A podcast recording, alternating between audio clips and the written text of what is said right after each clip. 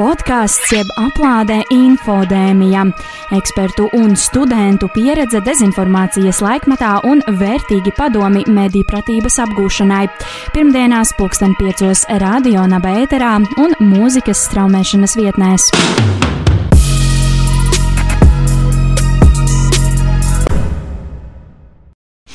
Hei, hei! Esiet sveicināti visi 14.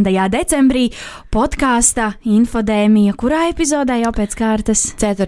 epizodē. Man tāds sajūta, ka es katru epizodi jautāju, kura epizode šodien ir pēc kārtas. Ar jums kopā ir uh, trīs uh, fantastiskas Latvijas Universitātes sociālo zinātņu fakultātes studentes. Mans vārds ir Elīna Krēmere. Mani sauc Elza. Un mani sauc Laura. Un šodien mums attālināti ir piebiedrojies, piebiedrojies kāds viesis, jau, jau, otra, jau trešais pēc kārtas. Pirmajā epizodē runājām ar Klintu Ločmeli, otrajā epizodē Ringu Nirbīti, un šodien vēl viena dāma papildina mūsu kompāniju. Jā, pie mums šodien viesos ir uh, žurnāliste Baiba Runce. Labdien! Labdien!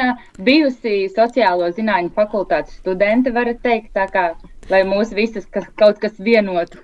Jā, varbūt jūs varat turpināt ar sevi iepazīstināt. Jā, kurš, kurš gan labāk ar sevi iepazīstinās, ja ne pats? Uh, nu jā, tā tad pirms uh, mm, baidīšos laikam teikt, bet uh, iespējams pat desmit gadiem uh, arī es studēju Latvijas Universitātes sociālo zinātņu fakultātē žurnālistikā un uh, veidoju kopā ar saviem tā laika domu biedriem studentu televīziju Kivī TV. Bijām arī pirmie, kas to kā, uzsāka. Un pēc tam uzreiz es sāku strādāt TV3 redzījumā Bestabu, kuru nostrādāju diezgan ilgi. Un nu jau gadu esmu Latvijas radio pētnieciskās žurnālistikas nodaļas žurnāliste raidījumā Atvērtie faili.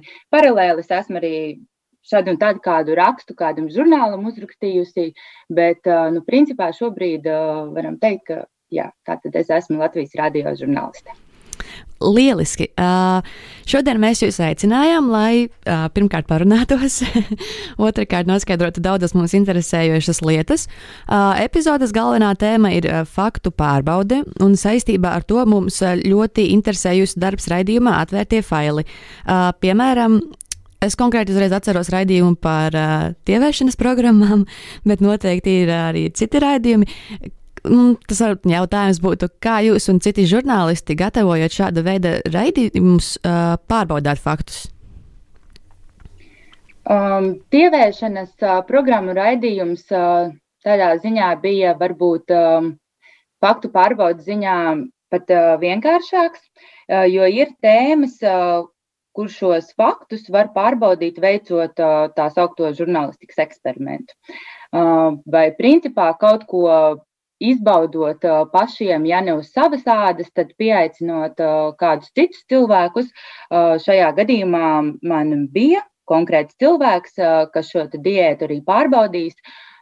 Šajā raidījumā arī man par labu spēlēja tas, ka es šo raidījumu veidoju ilgāk nekā parasti man sanāk veidot raidījumus, jo šo diētu vajadzēja pamēģināt uh, ilgāku laika periodu, gluži nepietiktu ar trīs dienām. Uh, vajadzēja saprast, kā to konkrēti, ko tad uh, attiecīgā diēta piedāvā, un vēl paralēli visu šo um, eksperimentu arī atrādīt kādam uh, profesionālim, Šajā gadījumā mēs izvēlējāmies RSU mācību spēku, uzturzinātnieci, un tā kā viņai arī parādījām, ko šī diēta piedāvā, un vēl plus vēl runājām ar fizioterapeitiem un citiem nozars ekspertiem. Tā kā eksperiments žurnālistikā, kā faktu pārbaudē, ir diezgan laba lieta, bet tam nav obligāti jābūt tādam ilglaicīgam eksperimentam. Tas, būt, tas var būt arī pārbaudot, piemēram, ka tev kāds cilvēks, uh, intervējamais, saka, ka viņš cenšas sazvanīt uh, slimību profilaks un kontrolas centrā tālruni, un viņam tas nesanāk, uh, nezinu, dienu. Un, uh, tas var būt tāds arī īstais eksperiments, kas arī ir faktu pārbaude. Es, uh, Baiba Runce, paņemu telefonu un paskatos, tad, uh, cik ātrā laikā es sazvanīšu kādu iestādi, vai nezinu. Man uh, cilvēks saka, ka viņu mājaslapā kādas citas iestādes, nesauksim obligāti slimību profilaks kontrols centru, tā jau viņiem darba daudz. Bet, nu, vienalga, kāds cilvēks saka, ka kaut kādas iestādes mājaslapā nav norādīta informācija par to un to. Tad, protams, ka tu kā žurnālists pirmais, ko tu dari, vispār pirmais, pirmais, ko tu dari, ir pārbaudi. Vienkārši vai tā ir vai tā nav. Tālāk jau runājot par to pārbaudi, tu jau jautā tai konkrētai iestādē, jau uzdod tai iestādē jau jautājumu, ka mums šeit saka, ka ir tāda un tāda situācija, kā jūs to komentētu. Es iespējams kaut kur jau nedaudz uh, paskrēju uz priekšu, varbūt tā kā jūs man uh, iejaucaties manā stāstījumā. Nē, Droši, nē, nē, nē. Uh, man, man, man radās varbūt tāds, tāds nedaudz filozofisks jautājums. Šādi te uh, čeko, čekojot faktus, faktu čekeri vai pārbaudot faktus, kā būtu latviskāk, uh, ir sanācis kaut kur, kaut kur um, iekulties kādās nepatikšanās. Nu, piemēram, piemēram, viens ir nu, tiešām uzzvanīt vai paskatīt mā, paskatīties mājaslapu vai pārbaudīt, bet, nu, ja nu, ja nu šis fakts ir kaut kāds tāds, es nezinu, vairāk uz bīstamāku tēmu, piemēram, tur kaut kas saistībā ar, ar likuma pārkāpšanu ieviešanu vai, vai kaut kā tā? Tā man laikam šobrīd tā uzreiz prātā neienāk, vai arī es varbūt nesaprotu, kā tu to biji tieši domājis. Tu domā, varbūt iegādāties kontrabandas cigaretes tādā? Jā, jā, jā, kaut ko, kaut ko, kaut ko tādu bīstamāku. Piemēram, bezfilmētājiem bija fantastisks eksperiments, kur viņi, kur viņi gāja ne, un pirka alkoholu nerādot dokumentus. Uh, jā, šādi gadījumi ir bijuši mm, īpaši bestabū laikos, īpaši bestabū sākumā konkrēti man.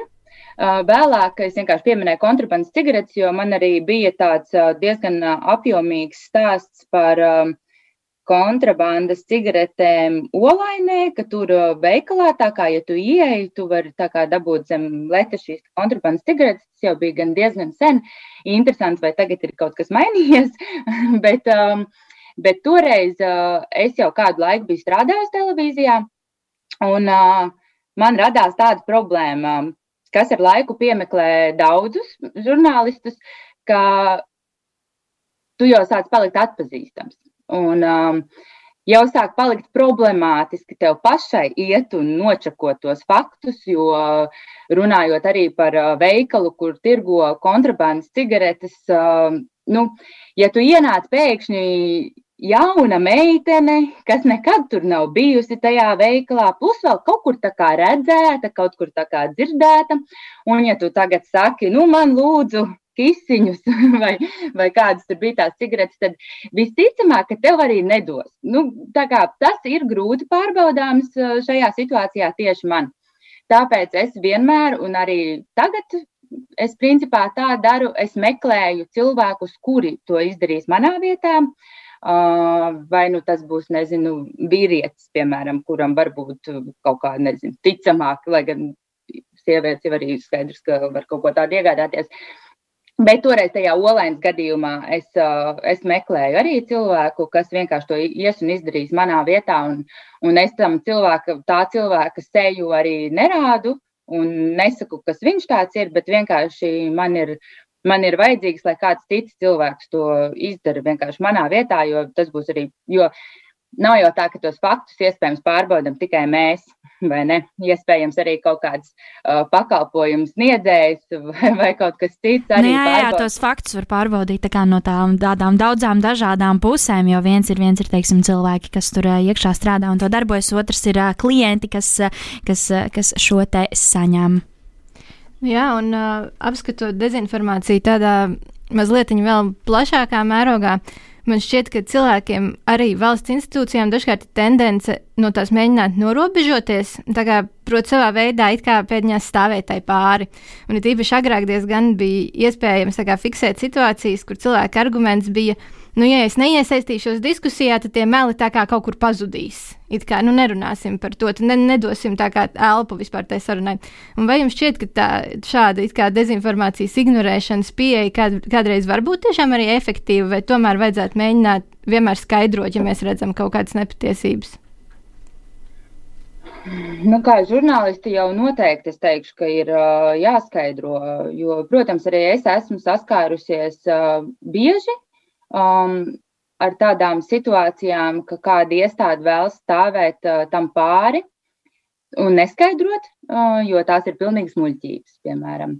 Uh, es varbūt saprotu šādu iestādi, no, šādu, šādu kā iestāžu ko viņi, viņi tā ir izvēlējušies darīt.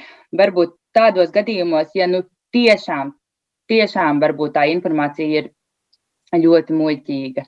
Bet nu, es nezinu, kam tad būtu. Vai, vai varbūt, ja viņi jau ir to skaidrojuši jau vairākas reizes, un tad varbūt viņiem šķiet, ja man ir jau piekto reizi jāskaidro tas pats absurdais, absurdā viltus ziņa, kas kaut ko ir kas kaut kur ir izplatījusies. Bet, nu, protams, ka ir tīpaši šajā laikā, man liekas, ka ir jāskaidro un uh, ir vienkārši par to jārunā. Jo skaidrs, ka tajā brīdī, kad kāda iestāde, vienalga, vai tā ir privāta, vai tā ir valsts, vai tā ir pašvaldības, pasaka mēdījiem, ka viņi nekomentēs situāciju, Un mēdīs arī, protams, parāda, ka šī iestāde situāciju komentēt atteicās, jo arī mēdīs nevar, nu, mēdījiem tas ir obligāti jāpasaka, tāpēc, ka tad citi jautās, kāpēc jūs nepajautājāt te iestādēji. Un bieži vien jau ir tāda situācija, ka mēs jau pajautājām, bet mums atteicās. Jā, viņi nevēlējās atbildēt, jā. Jā, un tādā gadījumā, protams, ja lasītājs, klausītājs, skatītājs ierauga, ka ir raidījums, un tad ir uh, sižets vai kas ir, un beigās tiek pateikts, ka lūk, šī iestāde atteicās komentēt, tad, protams, ka tam skatītājiem, klausītājiem, lasītājiem tas ir uzreiz aizdomīgi.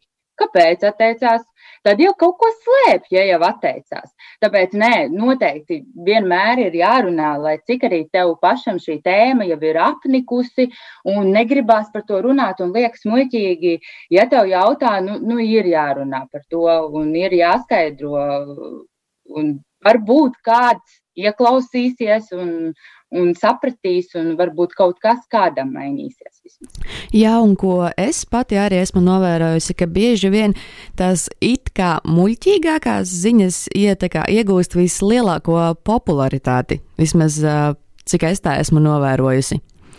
O, oh, jā, jā, jā, jā, šeit es atcerējos vienu arī savu senu, senu piemēru par tām muļķīgām ziņām runājot. Uh, jo tās viltus ziņas un tā dezinformācija vēl pirms kādiem pieciem gadiem nu, tik aktuāla problēma nebija kā šobrīd. Un arī es klausos, ka jums ir tātad universitātē kurs pilnīgi šobrīd, ja? Žurnālistika dezinformācijas laikmetā, jā.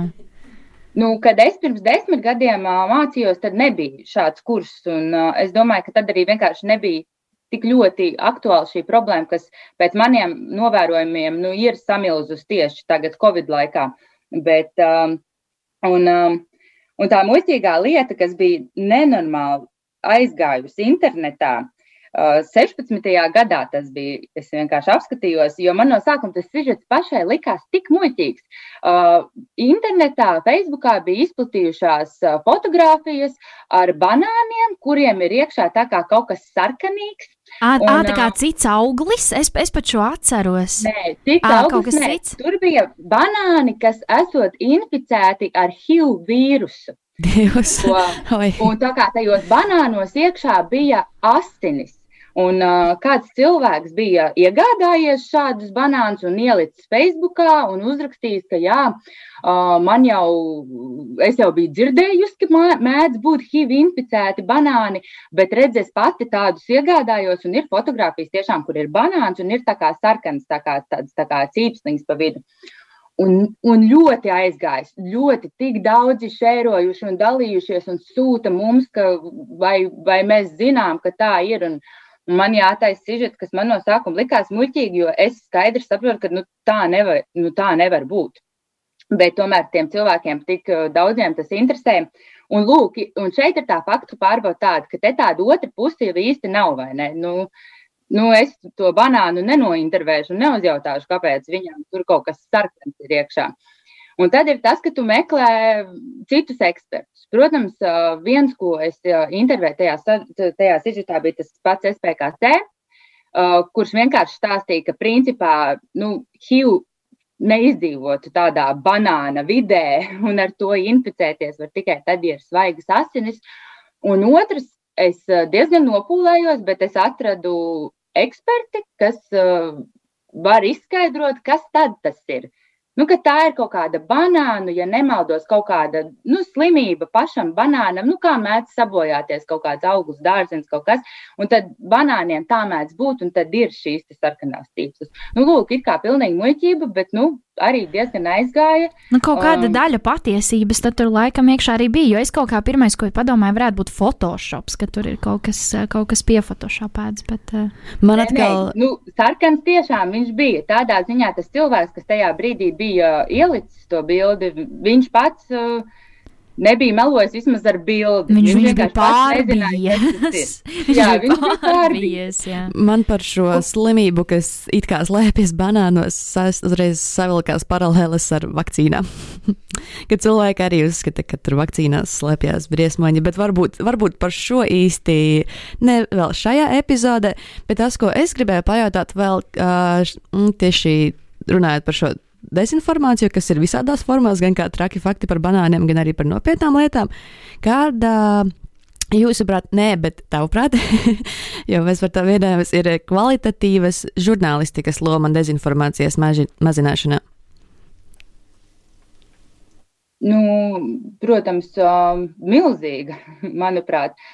Cits jautājums, ka es arī šobrīd pēdējā laikā arvien vairāk arī redzu, ka tā dezinformācija jau ir attīstījusies tik tālu, ka šie sazvērestības teorija piekristēji jau sāk apšaubīt žurnālistiku kā tādu.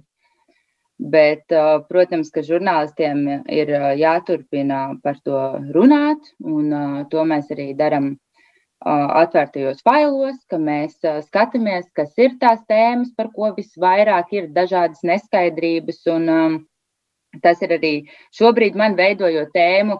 Es ļoti daudz lasu cilvēku komentārus un sazvērestības teorijas, tā lai es zinu, kas ir tās aktuālās lietas, kuras man vienkārši ir nepieciešams pārjautāt kādam ekspertam. Un, jo, jo, lai ko tā kā žurnālisti uzjautātu ekspertam un publicētu, visticamāk būs vēl kaut kādi trīs jautājumi, um, kas atkal būs radušies. Un tādā ziņā šī virkne pat brīžiem ir tāda nebeidzama.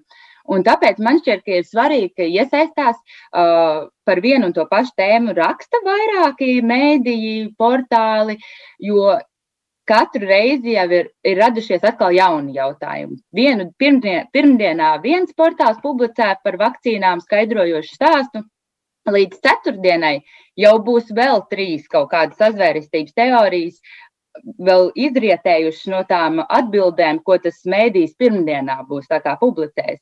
Un tad ir atkal piekdienā, atkal jāskaidro to, kas ir neskaidrs radies par to brīdi.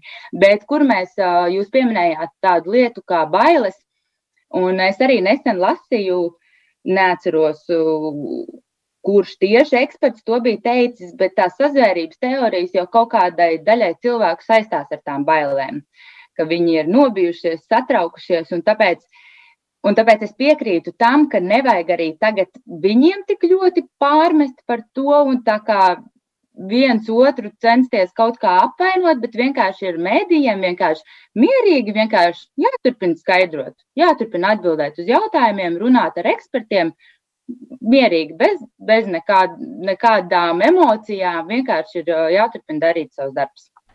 Īsnībā man piebilda tieši par šo e, ekspertu situāciju. Bija tāda situācija pirms kāda laiciņa, kad ārsts Pēters Apins bija iesaistījies arī sazvērstības teoriju, un ne tikai dažādas, varbūt nepatiesas informācijas komentēšanā par tieši Covid jautājumiem. Un, uh, Nu, tā kā no vienas puses uh, mums tiek stāstīts, ka ekspertiem principā ir jāuzticas vienmēr, bet uh, kā, kur veidojas tad, tad, tad, tas, kas ir eksperts un vai kaut kādā brīdī tas eksperts to savu statusu arī zaudē. Jo it kā ārsts ir ārsts. Bet vai kādā momentā ne, ne, nenotiek tāds moments, ka ir varbūt jā, jānoliek pie malas tā viņa profesija un jā, jāizvērtē tā, kā, kas ir tas, ko viņš tieši runā, jo nu, arī ārsti ir cilvēki? Jā, un uh, pareizi saki, ka ārsts ir ārsts, bet uh, epidemiologs ir epidemiologs. Un, uh, ārsti ir dažādi un uh, par kaut kādām sirds problēmām es neintervēšu zobārstu, bet it kā ārsts ir ārsts, uh, jo teorētiski visi jau ir uh, pirmajos kursos Tāpat kā jūs arī par reklāmu un sabiedriskajām attiecībām esat mācījušies, tāpat arī ārsti iespējams pirmajos kursos mācās kaut ko vienu. Bet um, es par šo lietu, es intervēju vienu vīrieti, kurš strādā Pasaules veselības organizācijas birojā Kopenhāgenā. Viņš ir epidemiologs, viņš gan ir vairāk uz infekcijas slimībām, uh, nu tieši uz HIV un uh, šādu veidu slimībām, bet um, es viņu intervēju par citu tēmu. Uh, bet tā cits starpā es viņam pajautāju, nu, kā viņam šķiet, kā mums šeit Latvijā iet ar visu šo Covid situāciju. Un es jautāju, viņš vienkārši tā kā strādā Dānijā. Es jautāju, vai Dānijā arī ir tik daudz uh, visas šīs sazvērestības teorijas un, un viss tas, kas notiek pie mums Latvijā. Un viņš teica, ka viņu, viņu prāt tā problēma Latvijā mēdījos ir tā, ka dod iespēju izteikties arī visādiem cilvēkiem, kas uh, nav tieši konkrētās jomas speciālisti, bet uh, kas tā kā izsaka savus citādākus viedokļus un versijas. Man gan šķiet, ka nav tā, ka Latvijā mēdīji uh, apzināti tagad steigtos par Covid intervēt uh, dažādus uh, citus cilvēkus, kas nav konkrēti eksperti šajā jomā, bet, uh, bet redziet, ir tā lieta mūsdienās, ka Katra, katrs jau var būt video satura un audio satura ražotājs. Jā, un vie, viedokļu līderis arī šī, šo mēs jēdzienu arī daudz izmantojam. Viedokļu jā. līderis. Jā. Nu, tieši tā, nu, jebkurš var savā Facebookā vai Instagramā uztaisīt tiešraidi un izteikt uh, savas domas vai versijas. Un, un tā tas vienkārši notiek. Un tad rodas arī dažādi šie pārpratumi un, un tā tālāk. Jā, uh, man patika ļoti piebilde par to, ka gan no mediju puses, gan arī varbūt teikt, tas būtu ieteikums visai sabiedrībai būt mierīgiem šobrīd un uztvert un turpināt skaidrot uh, lietas, pārbaudīt faktus, bet galvenais būt mierīgiem. Un ņemot vērā to, ka mūsu epizode diemžēl ļoti, ļoti strauji tuvojas tās beigām, varbūt jums ir kāds ieteikums mūsu klausītājiem, kā izdzīvot šo dezinfodēmijas vilni? Mm, es ieteiktu droši vien uztaisīt savu, pirmkārt, mēdi, izdomāt, kas ir tie mēdīji, kuriem jūs uzticaties, kas ir pirmkārt jau seni, iespējams, varbūt, nezinu, mēdīji vai kuros strādā cilvēki, kuriem jūs uzticaties un izveidot sev šādu, pirmkārt, tā kā mēdīju burbuli. Un uh, otrkārt, es arī iesaku šajā laikā tiešām piesakot uh, ja mēs tieši par arī Covid runājam, tai pašai veselības ministrijai, sociālajos portālos un SPKC. Es pat esmu uzlikusi SPKC šobrīd Twitterī, ka man nāk pat tā kā Paz, paziņojumi, paziņojumi, no jā, paziņojumi, kad viņi kad viņi kaut ko jaunu ietvīto, uh, censties tā kā tieši no tā pirmavota, no tām iestādēm, kas uh, ar konkrētajām lietām, nu labi, tas pat nav gluži varbūt par SPKC, bet ja mēs runājam par kaut kādām policijas ziņām, uh, ir arī agrāk vienmēr klejoja viltus ziņas par, par bērniem, kas ir pazuduši, un kas vienmēr ļoti, ļoti daudz bija viltus ziņas tieši šajā jomā, ka ir pazudusi meitenīte imantā. Tādās situācijās vajag sekot uzreiz valsts policijai, jo valsts policija būs tas pirmavots, kas ieliks informāciju par to, ka ir tiešām kāds bērns pazudis.